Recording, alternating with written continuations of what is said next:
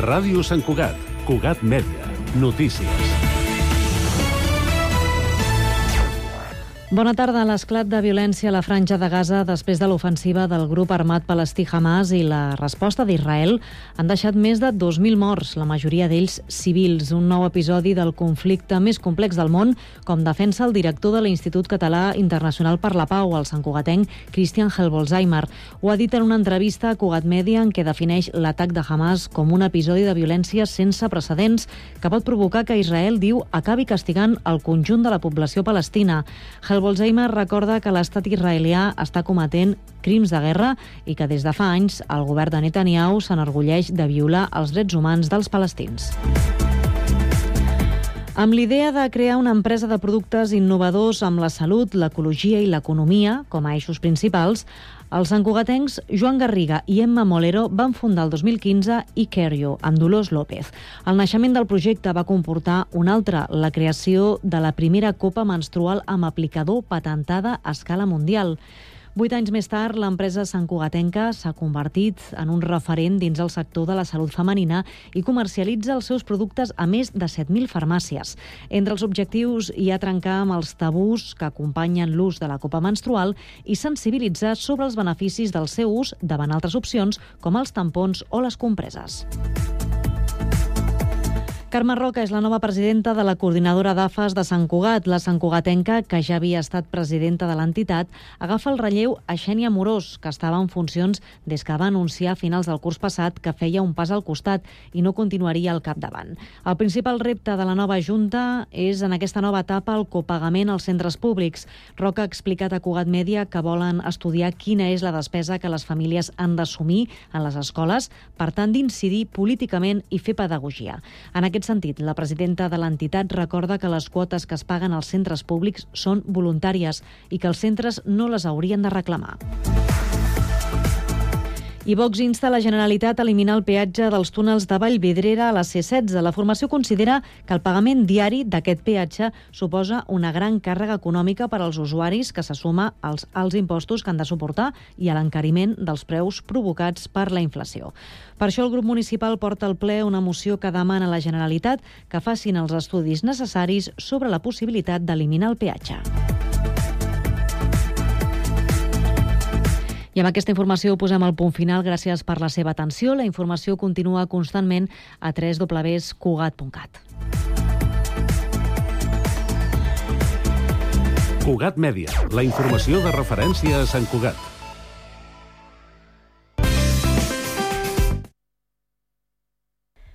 Quatre i tres minuts. Comença el Connectats.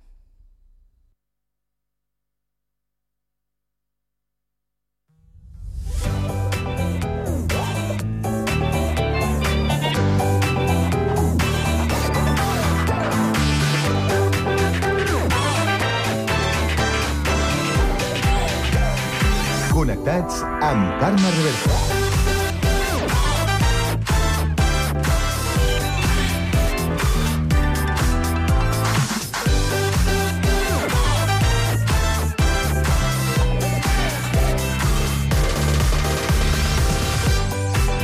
Molt bona tarda, salutacions i benvinguts al magazín de tarda de la xarxa al Connectats de l'àrea metropolitana de Barcelona que fem Ràdio Sant Cugat, Ràdio Sabadell, la Ràdio Municipal de Terrassa, el Prat Ràdio, Ràdio Ciutat de Badalona i Ràdio Castellà.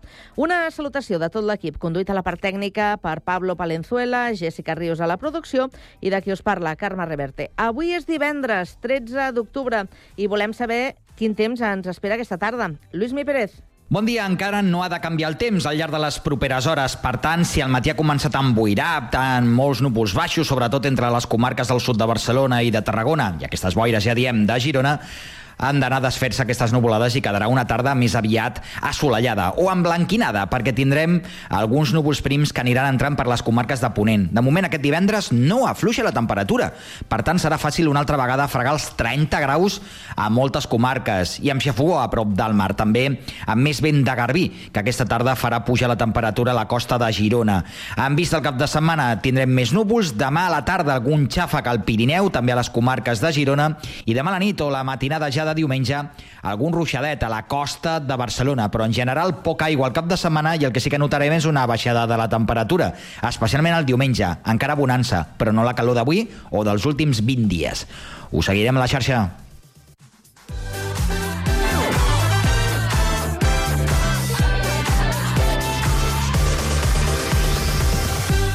I avui al Connectats parlarem eh, d'una malaltia crònica, una malaltia rara com la sofagitis eosinofílica. Entrevistarem Zoraida Gómez, codelegada de l'associació AEDCO Catalunya i Toni Boron, afectat per la malaltia. Acabarem la primera hora amb la tertúlia generalista per parlar de la celebració de la Festa de la Hispanitat i de l'afectació del clima en la producció de la cervesa. A partir de les 5 coneixerem l'entitat badalonina Art en Acció, de la mà de la seva presidenta, Montserrat Banyoles. Sabrem qui ha fet bullir les xarxes aquesta setmana amb Jessica Rius, repassarem les estrenes cinematogràfiques amb el periodista Jordi Guillem i marxarem de cap de setmana amb l'agenda del Connectats. Tot això i més, des d'ara i fins a les 6 de la tarda, a la vostra emissora local. Connectats? Comencem! A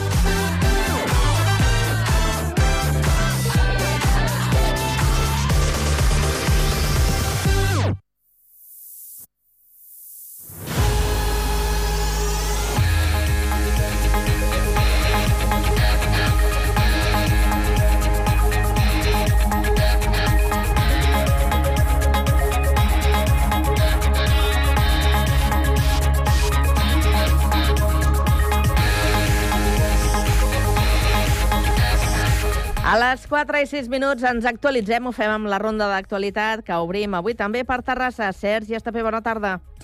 Bona tarda. Aquest diumenge 15 d'octubre Terrassa serà l'escenari del Festival Nacional de Colles Sardanistes que s'emmarca dins dels actes de celebració dels 75 anys de la colla local amb unicrits i 50 anys del concurs individuals de sardanes revesses.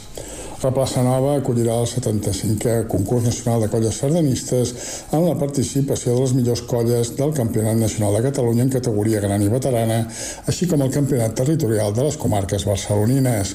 En total, 24 colles de competició sardana esportiva. Durant l'acte s'estrenaran dues sardanes dedicades a l'aniversari i també es recordarà el nomenament de Terrassa com a ciutat pública de la sardana de l'any 1998, ara fa 25 anys.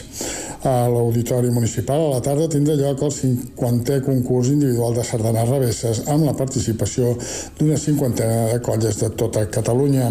Així mateix, el públic assistent podrà participar en un concurs de cultura popular anomenat Tribicrits. S'estrenaran set sardanes revesses i dues de plaça. Per acabar, hi haurà un concert de música per a la Copla. La vessant musical de tot el festival anirà a càrrec de la Copla Juvenívola de Sabadell. Gràcies, Sergi. Continuem el repàs ara per la CUC Capital. Anem a Sabadell. Pau Duran, bona tarda. Bona tarda. Les dades de l'Institut Català del Sol demostren que el preu del lloguer d'habitatge a Sabadell no ha parat de pujar. L'Incasol revela que els arrendaments mensuals són ara pràcticament 250 euros més cars que fa 10 anys. Segons les xifres que s'han fet públiques, la mitjana de preu del lloguer se situava el mes de juny a Sabadell a gairebé 738 euros. La quota de cada mes s'ha incrementat una tercera part durant l'última dècada. La xifra suposa uns 35 euros més que a finals de l'any passat i 70 euros més que a finals de 2021. Així viuen els veïns de Sabadell l'increment constant del preu de l'habitatge. Lo que lo padecen son los jóvenes. Nosotros ya, mira. Puja massa i que no es pot assumir. La situació dels lloguers és nefasta. Si, com jo, ets un estudiant, doncs és complicat. Si ets estudiant i treballes a mitja, mitja jornada, no, no, no et dona. Entenc que hi ha molta demanda, però amb, la, amb les pujades de tipus i tot això, doncs, evidentment, com costa més comprar, perquè també que et financin, el tema del lloguer m'imagino doncs, que se n'aprofiten. És posar-los una, una trava pues, en el jovent l'hora doncs, d'emancipar-se, no? Empitjora perquè solament el pagament de tots els subministres d'una vivenda pues, empitjora ja molt més les despeses que, que es generen. Bueno, el que, els costos que hi ha a part del lloguer, no? que no van ni inclosos dintre, com és l'aigua, el gas i altres temes, doncs encara fan que sigui més inviable sortir de casa als pares. Des de l'Ajuntament de Sabadell destaquen que la ciutat puja el preu del lloguer, però menys que la mitjana del Vallès i Catalunya. Gràcies, Pau. Anem fins a Badalona. Andrea Romera, bona tarda. Bona tarda de nou, Carme. Doncs les Jornades Europees de Patrimoni, que se celebren del 13 al 15 d'octubre, ens porten dues propostes per descobrir el patrimoni cultural de Badalona i també de la ciutat veïna, Santa Coloma de Gramenet.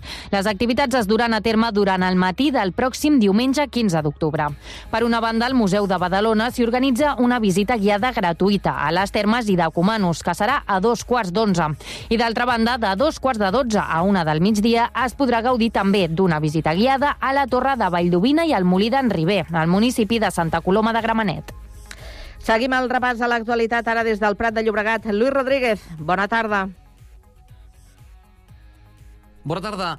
El preu mitjà de lloguer al Prat se situa en els 790 euros mensuals. Així s'esperen del registre de finances i que inclou tots els habitatges que hi ha al mercat lliure, com portals immobiliaris, on aquesta mitjana encara puja fins al miler d'euros, així com els de protecció oficial i la borsa de lloguer de l'empresa municipal Prat Espais. De fet, en els propers anys se sumaran 300 de nous amb les diverses promocions de lloguer assequible que ja s'han començat a executar, com per exemple la de la Cooperativa Obrera de Viviendes, de la qual es va posar la primera pedra la setmana passada. Escoltem Xavier Anzano, director d'habitatges de Part d'Espais. Es vol corregir mitjançant, doncs, primer, les noves promocions que es faran en sol, en sol municipal, que aquestes totes seran de lloguer, i també en el nou desenvolupament urbà de, de, de l'Eixample Nord, qualificant eh, part del sol, encara que sigui privat, doncs, de protecció oficial i també forçosament de lloguer. Vale? Històricament això mm, ni al Prat ni en altres municipis s'havia fet, o sigui, el, el sol es qualificava com a, com a protecció oficial, eh, però no era forçós haver de fer lloguer aquí la majoria de, de sols qualificats com a protecció oficial es va acabar fent de compra-venda. Una altra via correctora són els ajuts al lloguer, que també es tramiten a través de Espais. L'Ajuntament n'ofereix diversos, com els de les persones joves que han quedat fora de les subvencions de la Generalitat, tot i complir-ne amb els requisits, o aquells pretencs i pretenques menors de 35 anys que aquest any han llogat un pis per menys de 950 euros i que tenen determinats ingressos màxims.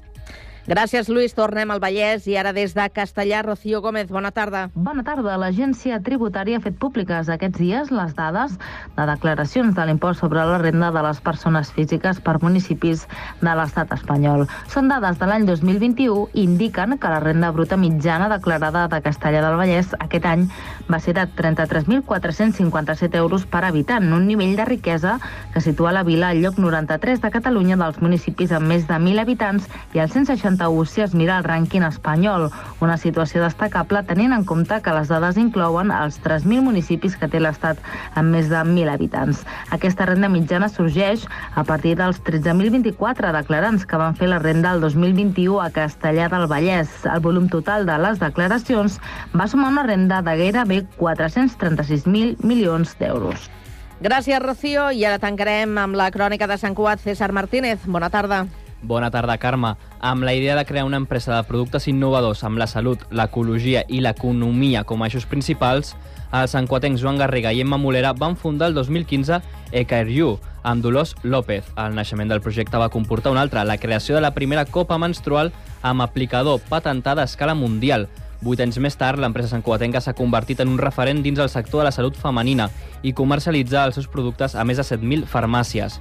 Entre els objectius hi ha trencar amb els tabús que acompanyen l'ús de la copa menstrual i sensibilitzar sobre els beneficis del seu ús davant altres opcions com els tampons o les compresses. Joan Garriga, qui lidera la part d'innovació i producció de l'empresa, ha explicat com ha influït arreu de l'Estat el projecte a nivell espanyol, diguem-ne, l'auge l'hem com creat nosaltres també, no? Perquè quan vam arribar en el món de la farmàcia hi havia una copa que venia molt del, del món del sexe i a nivell de farmàcia no hi havia res més. Llavors ens hem encarregat aquí primer d'entendre el consumidor del per què no feia servir la copa, no? que hi havia tots els, tots els elements aquests que us deia, doncs, de fàstics i de pors, de la pardaré, no la pardaré, tindré pèrdues, eh, etc. El fet que sigui un producte reutilitzable també fa que acabi sent més econòmic per la buixaca. L'empresa Santcuatenca assegura que la copa menstrual té una vida útil de 10 anys per un preu que oscil·la entre els 20 i els 40 euros depenent del model. A la nostra web les persones interessades poden fer un test per saber la seva talla de copa menstrual i si no li funciona li tornen els diners, assegura Garriga, que explica que en un any la copa està amortitzada.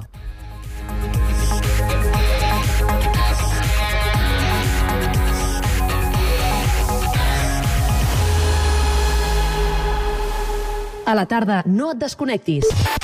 A la teva ràdio local, connectats. Can't touch this. You can't touch this.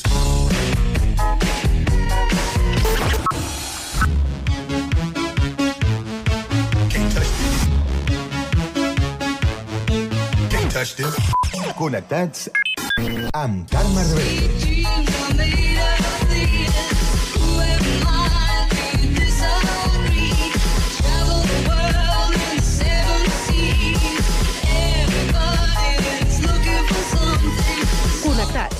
Una experiència radiofònica a Sabadell, Terrassa, Sant Cugat, El Prat, Castellà i Badalona.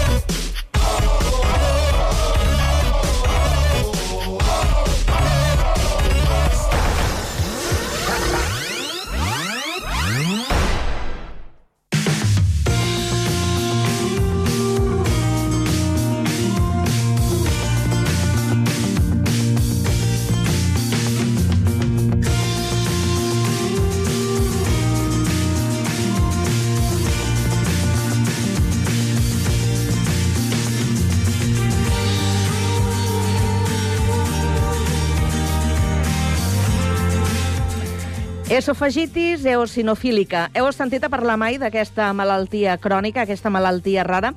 L'Hospital Sant Joan de Déu de Barcelona acollirà dissabte de la setmana que ve el quart congrés estatal adreçat a pacients i professionals. Per parlar-ne, avui ens acompanyen la Zoraida Gómez, que és mare d'un nen afectat, infermera i codelegada de l'associació AEDSEO a Catalunya, i el Toni Boron, que és afectat per la malaltia. Bona tarda, Toni, bona tarda, Zoraida, com esteu? Molt bé, bon dia. Zoraida, comencem per explicar, i ho farem, intentem fer-ho d'una manera que sigui entenedora, en què consisteix aquesta, aquesta malaltia, que repetirem el nom, eh, perquè és una mica difícil, així d'entrada, esofagitis eosinofílica. Sí. Explica'ns. Aquesta enfermetat és una enfermetat eh, autoimmune que consisteix en la inflamació de l'esòfag eh, a conseqüència dels eosinòfils. Eosinòfils són un glòbuls blancs que estan col·locats on no toca, com és l'esòfag. Això fa que l'esòfag se fa més petit i de la inflamació arriba un moment que aquesta inflamació no deixa menjar amb normalitat a la gent. Aquesta problemàtica comporta que tinguin impactacions alimentàries i disfàgia. La impactació és és quan l'aliment no aconsegueix baixar amb normalitat per a l'esòfag i se queda en un punt d'aquest esòfag i no hi ha manera de que ni baixi ni pugi aquest... O sigui, crea una obstrucció, sí, no? Sí, una obstrucció. I després està la disfàgia, que és la tolerància a poder, a poder empassar segons quins tipus de textures d'aliments. Llavors poden fer ennugaments i, i coses així. Són els, més, els dos punts més importants d'aquesta enfermetat, les impactacions i la disfàgia. Explicat així, a mi em semblaria, eh, si ho hagués de patir, mm, una situació greu. Eh, Bueno. però ho, ho és... Eh... És una situació greu a llarg pla si no se tracta, si no té tractament o si no es diagnostica. És una enfermetat invisible que va fent el seu procés per dintre perquè no és algo que podem veure, és a l'esòfag, i llavors sí que pot arribar a ser-hi eh, tenir complicacions. D'aquestes complicacions poden comportar eh, dilatacions en, en l'esòfag. Eh, quin és, quin és l'origen? Què és el que provoca aquesta inflamació de, de l'esòfag? Normalment, per estudis que tenen, és de procés inflamatori al·lèrgies alimentàries. Normalment també està provocada per diferents aliments, no és segur a 100%, però sí que hi ha diferents aliments als quals eh, tenen més possibilitat de que mm, eh, desencadenin aquesta enfermetat, com és eh, la proteïna de la llet animal, eh, el gluten, les llegums, l'ou, el peix... Mm -hmm. És una malaltia que apareix amb el, amb el temps? Té alguna cosa a veure la genètica? Què, què, què se sap Pot de tot aparèixer això? en qualsevol època de la teva vida, des de bebès, com a adolescents, com a, com a gent gran. Eh, hi ha estudis que pot haver-hi un punt genètic, però eh, no és algo que tinguem sense certa, amb certesa. O sigui que no, no se sap segur. I podríem explicar quins són els símptomes? Eh, ho dic perquè poden ser aparentment com símptomes que qualsevol podria tenir, no? Sí, hi ha molta gent inclús que la, la pateix i no ho sap, o inclús parles amb la gent o veuen eh, alguna història o algú li explica símptomes d'un familiar i llavors, que, oh, oh, pues llavors crec que algú de la meva família pot tenir això, no? Són símptomes pues, com que la, la, fan el menjar molt petit, eh, rebutgen l'aliment, eh, fan vòmits, eh, tenen opressió o mal al pit a l'alçada la, a de, de l'esòfag i coll, són uns símptomes peculiars que a vegades se poden confondre per ansietat, eh, nervis, i això pot passar pues, alguna vegada puntual, però quan la, la, els símptomes persisteixen, llavors eh, es tindria que, que poder anar al metge i preguntar. Diria que el més complicat de tot és fer el diagnòstic, no? Llavors? Sí. Eh, és veritat que cada vegada amb la, amb la conscienciació que estem tenint des, i, la i les respostes dels equips de metges, eh, el diagnòstic cada vegada és inferior, però sí que han hagut èpoques, inclús fa anys, que podia trigar entre 6 i 8 anys en tenir un diagnòstic. Sigui, el diagnòstic eh, ara cada vegada és més fàcil sí, fer-lo. Sí, ara cada vegada, eh, gràcies a la difusió i a, la, i a les campanyes que es fan, pues, i al treball conjunt amb les comissions científiques i mèdiques, pues, cada vegada és més fàcil poder diagnosticar-lo. I això significa que cada vegada es coneixen més sí, casos. Sí. No? Hi ha Sí. més persones afectades per aquesta malaltia. Eh, dèiem al principi, a la presentació, que tu ets mare d'un nen que, Sí. que, que pateix esofagitis i mm, explica'ns una mica en el, en el teu cas quina edat té ara el teu fill? El meu fill ara té 12 anys. 12 anys. Li van I, I quan li van diagnosticar? Li van diagnosticar farà dos anys, als 10 anys. Però nosaltres faltaven... Pues, nosaltres el primer problema el vam tenir als 9 mesos. Imagina't quants anys portàvem batallant en, de metges, proves i més proves i més proves, fins que al final vam arribar a un diagnòstic eh, certer. Llavors, eh, va ser difícil, han sigut èpoques millors, èpoques pitjors, però és veritat que quan tens un diagnòstic és com que tens una petita tranquil·litat. Saps què passa, saps com pots eh, afrontar que, a, això que està passant Uh -huh. i pots arribar a tenir una solució. Clar. Toni, Bon dia. tu ja ets més gran. Sí, tinc Quina edat? 24 anys. 24 anys. I quan fa que, que estàs patint aquesta esofagitis eosinofílica? Doncs me la van diagnosticar amb 12, per tant, mitja vida. Mitja vida? Sí. Eh, I com, com te n'adones? Eh, què, què és el que t'està passant que, que veus que, que el teu cos eh, t'està provocant un comportament especial, que tens alguns problemes? Què, què, què passa realment? Sí, doncs el primer símptoma va ser amb la tonyina. Jo sóc una persona molt reservada i no ho havia dit mai als meus pares. Uh, jo quan la menjava sentia que l'esòfag, diguem-ne, se'm, se'm tancava i se m'obria. Uh, no, era, no tenia cap problema respiratori, però notava una mena de contraccions. No molt ràpides, era com, com onades, no? que anaven i venien. Però com era una cosa que al cap de mitja hora, tres quarts se'm passava, no, no em queixava molt. Hi va haver un estiu, estàvem de vacances, estàvem prenent amanida de pasta amb tonyina i vaig dir, jo quan menjo tonyina em passa això. I els meus pares em van dir, això des de quan? I ja feia un temps, ara ja fa molts anys, no recordo quan, potser un any feia, no sé. I, i vam dir, val, doncs això hem d'anar al metge a mirar-ho. Llavors vam anar a molts llocs eh, i va ser al final a Sant Joan de Déu, un, una doctora ja veterana, eh, va dir això podria ser l'esofagitis eosinofílica, que era una cosa que nosaltres no n'havíem sentit a parlar mai. I en aquell moment, d'això ja fa 12 anys, era una malaltia rara, no hi havia mm, protocol ni un tractament directe ni res per l'estil, i llavors em van fer una endoscòpia, no? que és una prova que consisteix en ficar un tub per dins de l'esòfag amb una càmera, veure quin és el nivell d'inflamació, extre extreure unes mostres, etc, que és la prova més fiable per, per provar, diguem-ne, que tens esofagitis i efectivament tenia l'esòfag inflamat. I, I aquesta va ser la, la diagnosi. Com convius tu eh, amb, amb la malaltia i quina és la teva qualitat de, de vida? Perquè, clar, esteu patint, que és una malaltia crònica.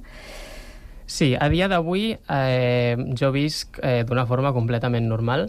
No tinc cap restricció a l'hora de menjar a causa de la malaltia eh, perquè prenc una medicació que em funciona. Eh, durant uns anys enrere, en aquests últims sis anys tot ha estat més tranquil, però abans d'això eh, sí que va haver èpoques on la qualitat de vida era pitjor perquè quan a mi em van diagnosticar això, el primer que vam fer va ser començar a fer una dieta cada vegada més restrictiva per intentar trobar quin era l'aliment, que és el que es pensava, Clar. um, que, em, que m'estava fent malbé l'esòfag. No? Llavors les dietes van arribar a un punt que eren molt restrictives i el moment més crític va ser quan no, vaig, quan no menjava cap aliment sòlid, era només eh, aigua i aigua en pols. Era una pols que tenia totes les vitamines, minerals, aminoàcids, etc. A més, va coincidir al Nadal i van ser dos mesos on no menjava res.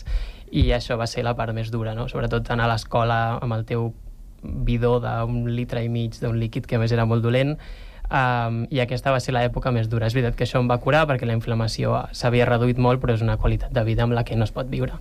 I llavors, a partir d'aquí, vam, vam anar reintroduint aliments, provant diferents, diferents medicacions que inicialment no van funcionar fins que vam trobar la que prenc, prenc actualment. I llavors, eh, ara just està havent certs problemes perquè la medicació que estic prenent ja s'ha deixat de fabricar i llavors estem pendents de trobar medicacions alternatives però sembla que hi ha medicacions en procés, però és una cosa una mica delicada i encara no és del tot segur. Llavors vaig tenir anys més difícils, tot i que jo ho vaig portar sempre bé. En el meu cas particular hi ha casos més durs i gent que no ho pot portar tan bé, jo tinc aquesta sort, i a dia d'avui la meva vida és completament normal en aquest sentit. Pots menjar tonyina? no, perquè sóc vegà. No menjo Ah. productes d'origen animal, però això és per decisió pròpia. Si volgués, podria prendre tonyina, sí. I el, en el cas del teu fill, Zoraida, quina és la qualitat de vida? Perquè estem parlant d'un nen que, que, clar, està en una etapa de, de la vida que és una mica més complicada, no?, Sí. d'entendre per ells. Sí, per ell i a part d'això el meu fill ara mateix la seva enfermetat no està en remissió, vol dir que encara tenim punts en el qual no la tenim eh, no està estable. Llavors, què passa? El meu fill té molta restricció alimentària, eh, ell no pot prendre gluten, no pot prendre llet d'origen animal, no pot prendre peix blanc ni peix blau i té una hipersensibilitat a l'ou.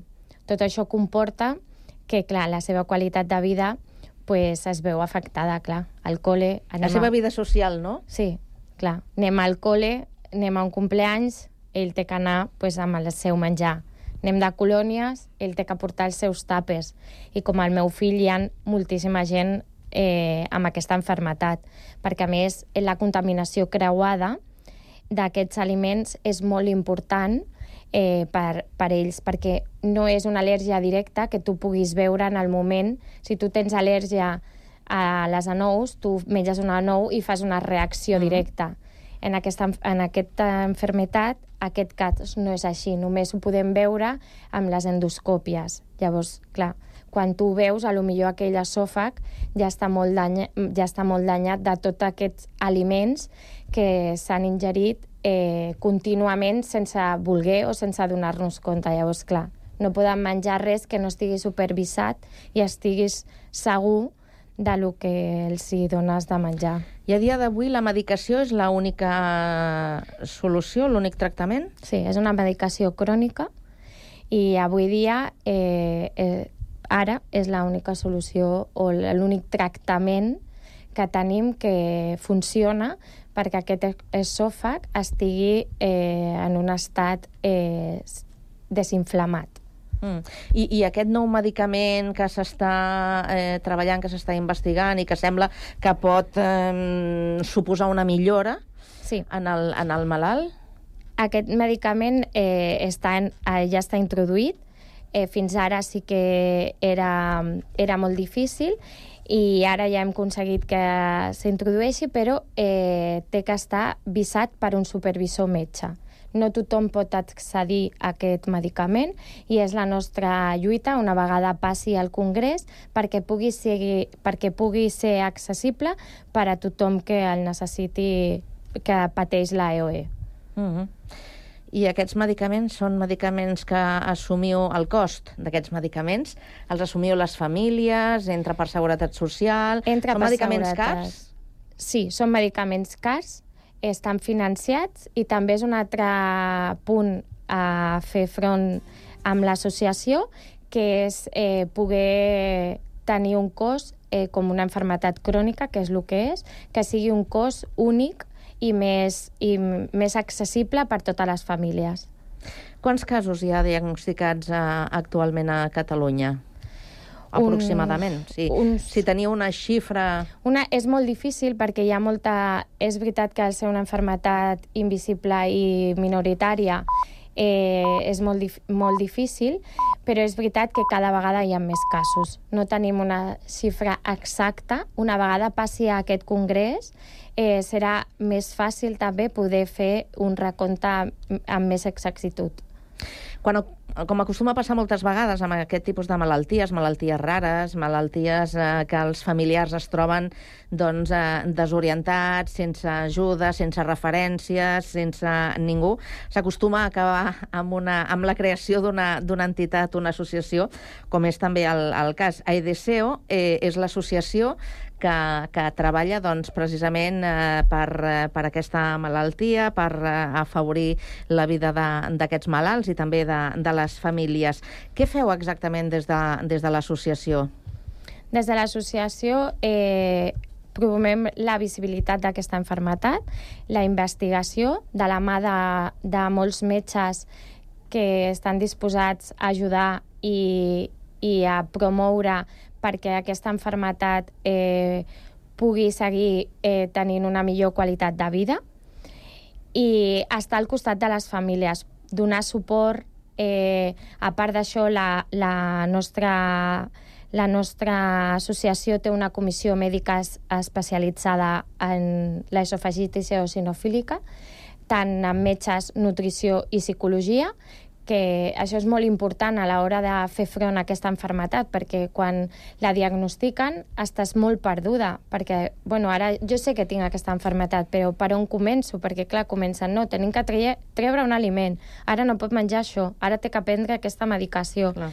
Llavors, eh, és un treball tots eh, conjunt que la veritat que des de l'associació estem per ajudar i tothom que ho necessiti sempre ens pot demanar ajuda. I parlant d'ajudes, hem de dir que el dia 21, eh, després del, del congrés que fareu, hi ha una activitat una mica més lúdica, també amb la intenció de recaptar fons per ajudar a, a la investigació de, bueno, la investigació, aquest medicament, és un eh, concert de, de gospel que es fa al recinte modernista de l'Hospital Sant Pau, no? Sí. Com funcionarà això? És un concert benèfic amb un grup de gospel, la veritat que mm, molt, molt agradable, que es diu Fil de Gospel, que són 50 vocals, que serà al recinte modernista de Sant Pau, i les entrades es poden adquirir a través de la web, que la nostra web és www.adco.org, i allà està tota la informació tant del congrés, que és el dia 21 d'octubre, com del tancament d'aquesta- d'aquest congrés, que és el concert. Uh -huh. Toni, eh, ja no et sents com un bitxo raro, no? M'imagino quan la gent eh, diu, "Va, tu què et passa? Eh, Mm, A dia Ja- d'avui no, perquè no ho veuen. És com dèiem abans, Clar, és una cosa que, que es porta per dins. Eh, en el passat, sí, la gent preguntava més, però a mi mai, a mi personalment, eh, hi, ha, hi ha casos per tot, sempre ho dic, però mai em va suposar un problema. Jo simplement explicava el que tenia i ja està. No és, no és una decisió, és una cosa que et toca, doncs hi ha això i, i ja està. convius i ho portes bé. Sí, sí, sí. Uh -huh. Zoraida, alguna cosa més? Sí, m'he deixat dir una cosa, perdó. El concert és un concert eh, que es poden trobar a les entrades, eh, que és entrada donatiu de 10 euros Uh -huh. per ajudar a la investigació de l'enfermetat. Correcte. Doncs tornem a repetir, eh? eh les 3 W aideseo.es és la web de referència per si teniu necessitat, per si teniu algun dubte, algun familiar que pugui estar patint doncs, aquesta mateixa esofagitis o sinofílica que avui hem tractat al, al Connectats. Moltíssimes gràcies i A esperem que vosaltres. vagi, que vagi molt bé. Moltes, Moltes gràcies. gràcies. Bona tarda. Adéu.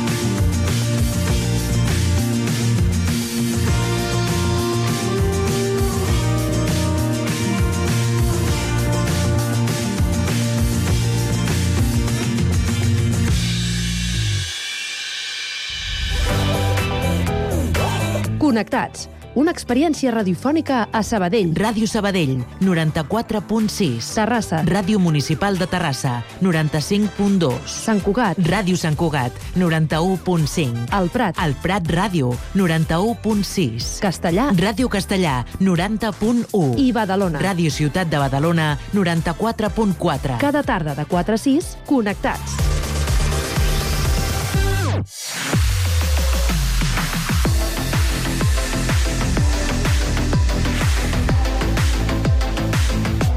Passen 6 minuts. Ara, ara entrarem a la tertúlia, Jordi. Deixa'm que presenti a la resta de, de tertulians. Anem a, anem a Sabadell. Allà tenim el Quirze Casablanques, que és jubilat. Quirze, bona tarda. Bona tarda a tothom. I benvingut. Anem al Prat. Gràcies. Anem al Prat perquè ens espera el Joan Camps, que és llicenciat en Ciències Econòmiques i Empresarials. Joan, bona tarda. Eh, molt bona tarda i ben retrobats. Això mateix. I el Jordi Casas, historiador, el tenim aquí a l'estudi de Sant Cugat, ja havíem començat la tertúlia una mica, una mica abans, eh, tot parlant de, de la celebració del Dia de, de la Hispanitat, que, de fet, a veure, si fem un resum, eh, una celebració amb desfilada militar, amb esbroncades, amb xiulets, eh, amb representants de les institucions que uns es posen de cara i els altres es posen de cul. Eh, no, Sí. sí. no, no, no, no podem fer un... No sé, no sé com veieu vosaltres aquesta, aquesta celebració. L'estètica de- de- d'aquesta festa. El Jordi ja m'ha dit que si fos per ell no faria cap festa. Sí, de, sí. Ni d'aquesta ni de cap altra, Ah, ah. no? Que dius que totes són iguals. Sí. Però, a veure, hi ha una desfilada militar? Hi ha, hi ha un dia de les forces Sí. armades? No, no, és que jo crec que aquí hi ha tres nivells. Un, jo, jo eliminaria totes les festes nacionals, eh, totes. Començant per la Catalunya, com, eh, passant per França, Espanya, el que faci falta. Bueno, són festes allò per, a, per, a, per fer pinya, no?, i aquelles coses. Després, efectivament, no entenc que una festa, encara que tots ho fan, eh, França també, ha- tinga, hagi de tenir un caràcter militar, no? A més, en aquest cas, amb, amb novio de la muerte i amb la cabra Manolita, no sé com es diu, que avui m'hi he pres el nom, però ja no me'n recordo, eh, que, que és, efectivament eh, és una cosa, no sé si una carrinclona, antiquada, demodé, fora de lloc, eh, fora del temps i tal. I després hi ha l'altre gran tema, que suposo que era el que havíem de parlar, o bueno, un d'allò, que és la, el que s'està produint en aquest país, dintre del marc general de polarització política que estem vivint a tot arreu, eh, tenim una dreta, i sobretot una extrema dreta, que té un concepte patrimonial del que és Espanya, no? de què és Espanya i com s'ha d'entendre Espanya i com s'ha de celebrar la seva unitat que s'enfonsa en els temps, eh? no, estic fent broma, i que no suporta que hi hagi una festa que sigui presidit per un govern, eh, que, ai, per un president de govern que no sigui de dretes, no? I llavors instiga, eh? i més el context polític d'aquests últims mesos instiga pues, això, la protesta, l'insult. Avui m'he estat escoltant, perquè òbviament aquestes coses no les veig, avui estem veient un vídeo dels insults que van sortir tal, i és brutal, no? és una manca de respecte i tal. Bueno, I personatges com la Díaz Ayuso eh, donant-li cobertura, no? dient que la gent té dret a expressar-se, no? Bueno, clar, diuen fill de puta, traïdor, que vote, vote chapote, bueno, a, a, a, a Puigdemont a la prisió, hòstia, però és que és una cosa... Ja, ja. Eh, per això us plantejava veure quin és el sentit d'aquesta celebració. Una festa és una cosa, diríem que agradable, no? I aquí sembla que, que això és una confrontació i un camp de un camp de, de batalla metafòric no? entre, entre els diferents eh, bàndols. A propòsit del que comentava el, el Jordi, eh, Quirze, Mira, jo crec que Espanya el que podria fer, per exemple, per celebrar-ho, si és que hi ha alguna cosa a celebrar, que hi ha qui diu que no, jo també ho crec, eh, és fer un acte de contrició, no? Vull dir, vam fer un mal fet, cony, doncs, no sé, fem un acte de contrició, que és el que s'acostuma a fer en aquests casos. Llavors, per altra banda, eh, a part de que no faria cap, mm, cap festa, segons ha dit el Jordi, doncs, doncs eh, a veure, la festa de l'insult, això no hi entra de cap manera. No, no hi entra de cap manera. La militarització no m'hi agrada. Um, el, el sentit patrimonial d'Espanya, Espanya és meva i per tant tu com que ets espanyol també ets meu, home, no fotem, vull dir...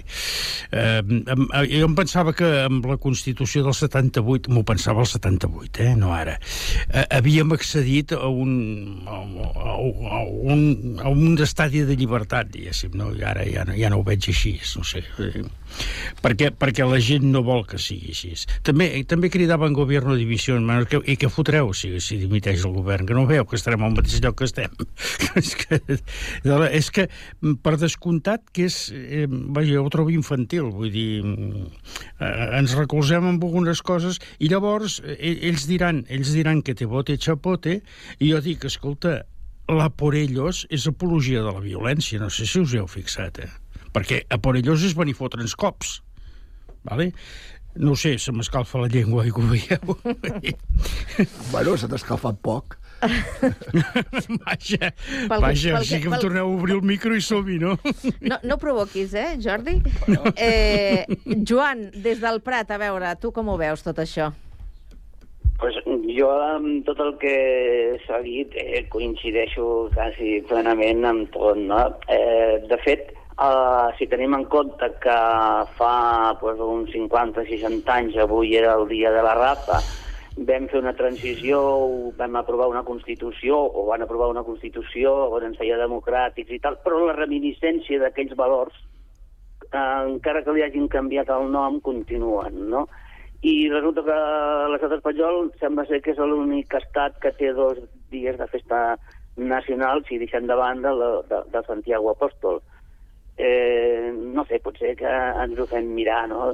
Eh, hem entrat en una situació d'un país ja fa uns quants anys democràtic, clar, eh, volem fer una festa que no sabem exactament quina festa és, bueno, suposo que es deu celebrar la colonització de, de, de l'imperi espanyol, de les Amèriques i Filipines i, i totes les colònies que, que van arribar a tenir doncs, eh, la, la corona espanyola. Eh, estem al segle XXI.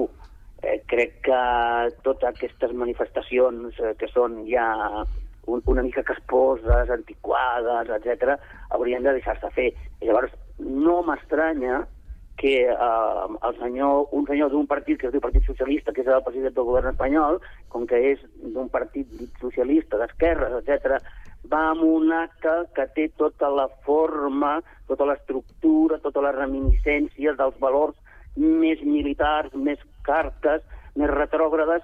Clar, aquest senyor, si va aquest any, l'any que ve, el- l'anterior o el de més enllà, el continuaran xiulant, perquè la gent que va a aquests actes són d'un altre color, d'una altra manera de pensar. Minories no ho sé, potser a Catalunya sí. A nivell d'estat, potser aquesta gent eh, té molt més suport, no? I, clar, nosaltres a vegades ens veiem les coses des de Catalunya que tenim una sociologia, una composició de la població un tant diferent, no? Si no mirem els resultats electorals eh, amb aquests 40 o 50 anys i, i ens adonarem que, que hi ha alguna diferent aquí que no, és, que no passa a la resta de l'Estat, no? I jo crec que això hauria de desaparèixer, aquestes festes.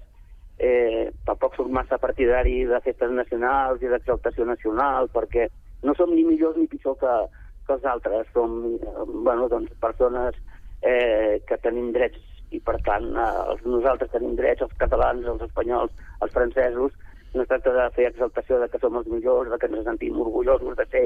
No, som el que som i no cal fer aquestes exhibicions d'exaltació. Sí, jo penso que, la, és que clar, fixa't tu que cada país agafa una data simbòlica, perquè a- això té una càrrega simbòlica brutal, no?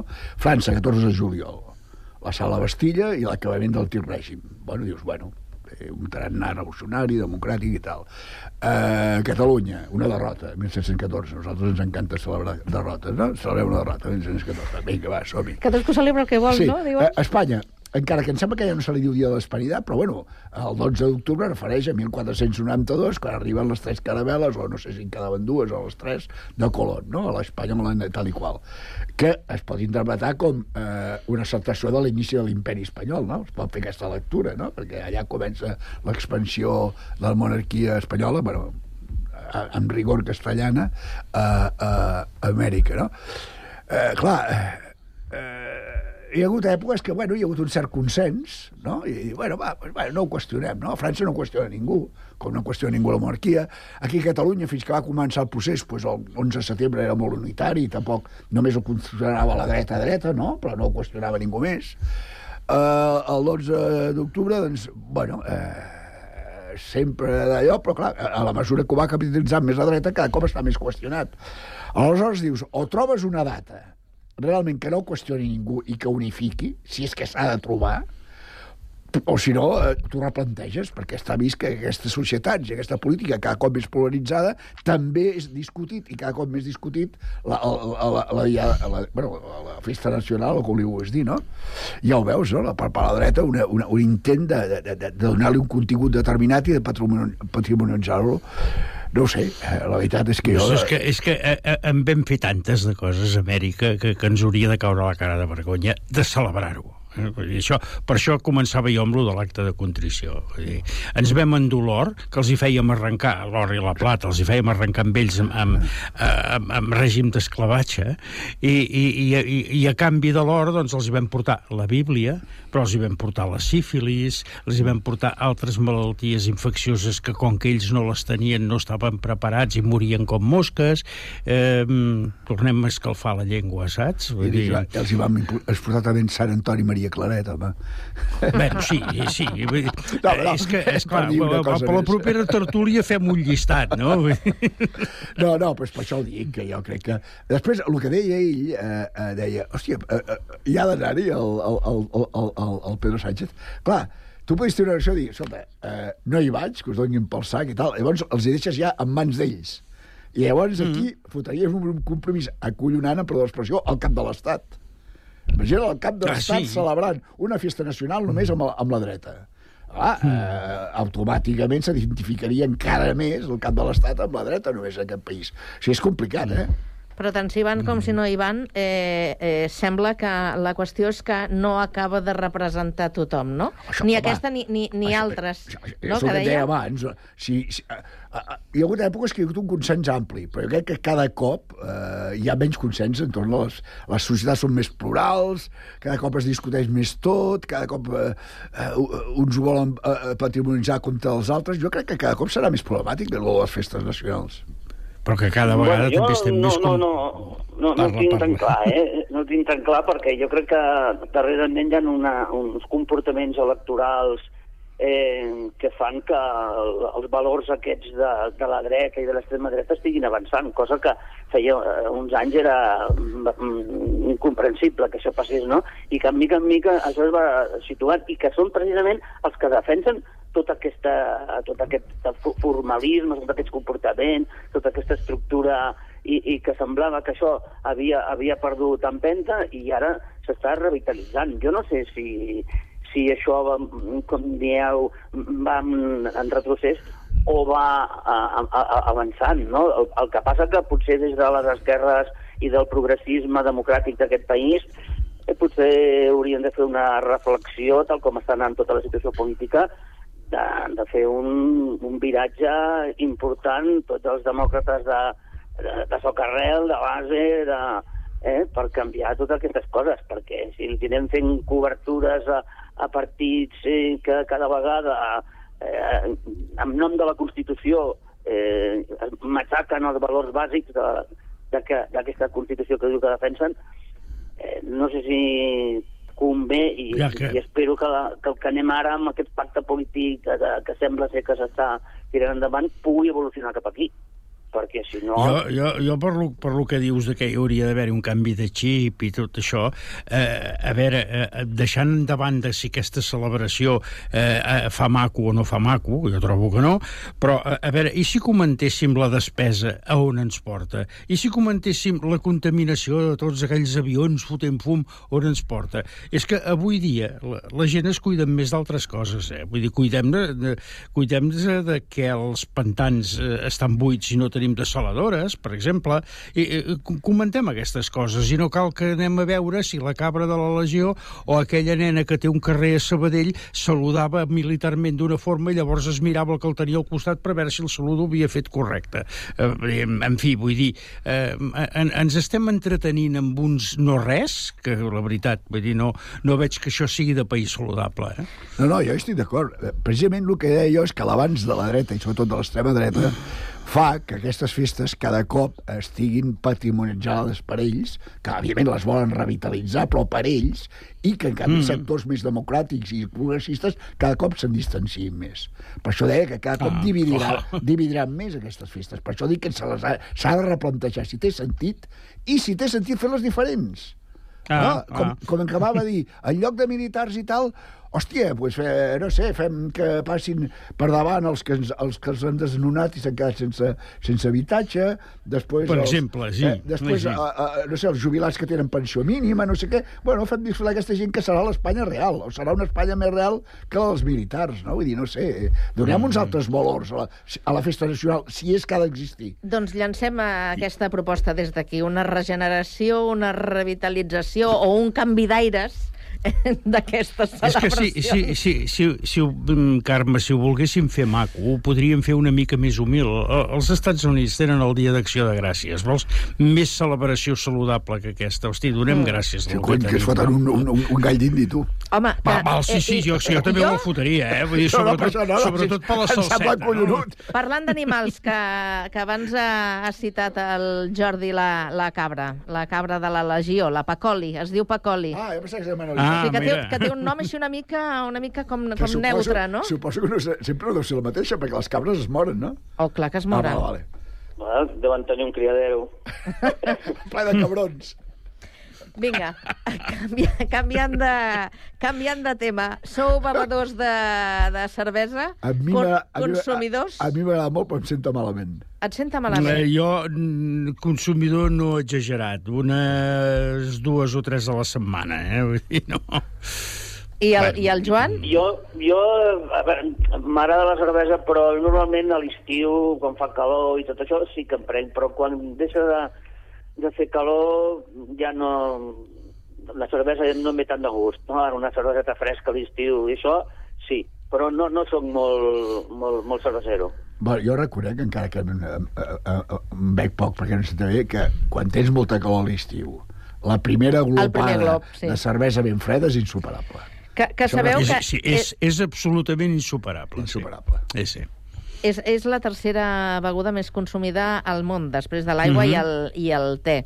No, no, sí, ja, ja faig càrrec. I penseu fins on arriben els efectes del canvi climàtic, que hi ha un estudi que apunta que la, tant, eh, la producció de, de llúpol, que és un dels ingredients Pues, que, és, és fonamental, que és que, exactament, que és fonamental per a la, per a la producció de la, de la cervesa, podria afectar a l'o- a l'olor i al gust d'aquest eh, producte.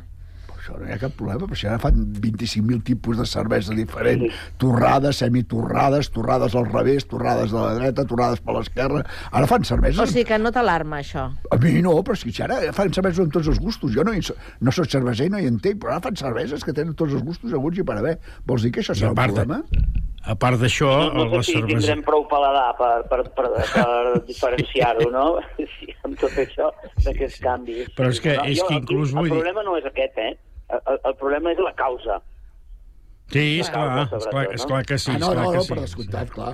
Sí, sí. Però la química ho corregiria, però amb el cost afegit de que ingeriríem encara més porqueria, perquè fotríem una química que ara no s'hi fot a la cervesa, vés a saber, vull dir. Però, mm, eh, o sigui, mm, l'olor i, la, i tal com deia el Joan, l'olor i la cervesa, eh, l'olor i el gust, El gust. eh, això, o sigui, això és obviable perquè ho arreglarem. El problema és que tu, el que ens hauria de donar la natura ja no ens ho dona. Mm, Home, jo suposo que us sabrà més greu que no hi hagi bolets, com sembla que no, No. Sí, no hi haurà sí, sí. aquesta temporada. Eh, Però, no, però vull dir que això... A mi em sembla que a vegades fem discussions perquè s'ha d'omplir els diaris i perquè tal i qual, no? Escolta, que no ha canviat el gust dels vins durant els últims 40 anys, que no té res a veure els vins que veuen ara en positius que els bevíem fa 40 anys. Fa 40 anys. Segurament, no, clar. No es podia veure. Els processos també el han canviat. Bueno, els copatges, o hi ha, hi ha els, els eh, aquests especialistes en vi que, que en saben més. Els anòlegs. anòlegs. Però fa 40 anys el priorat no es podia veure.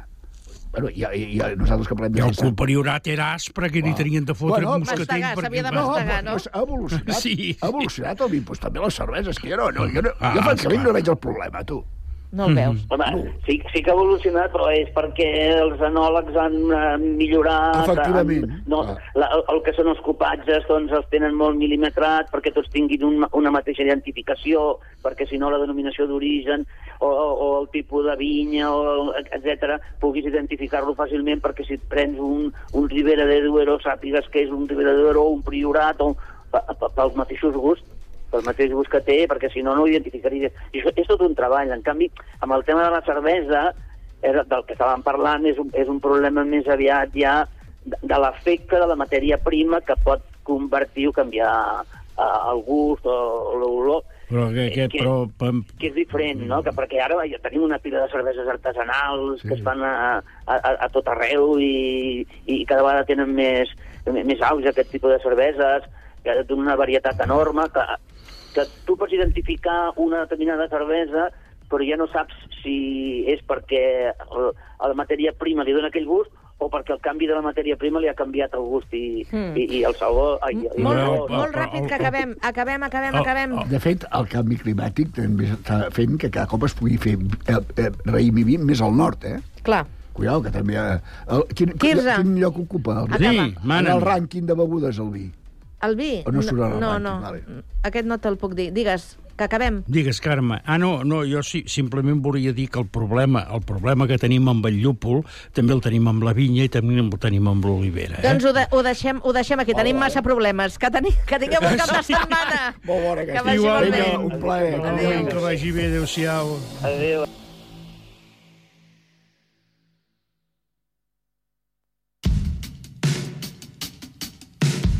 Nova temporada de Cugat Mèdia. Les mirades, les veus, les emocions, els batecs, els vincles. Consulta la programació a www.cugat.cat. Cugat Mèdia. Arribem a tu amb tots els sentits. No és el mateix ser els integrants del millor grup de la història que ser el millor grup de la història. Per això, el grup català Occident serem Occident, perquè per continuar assegurant-ho tot, tot i tot, ens havíem d'ajuntar tots, tots i tots. Entra a seremoccident.cat.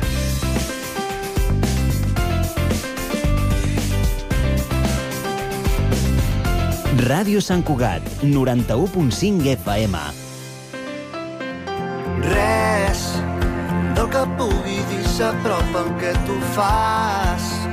Sembla màgia d'altres temps i és que ets la força que ens manca quan no hi ets. Ballarem junts fins que surti el sol. Brindarem que no s'acabi mai. I demà res serà igual. Ets genial, ets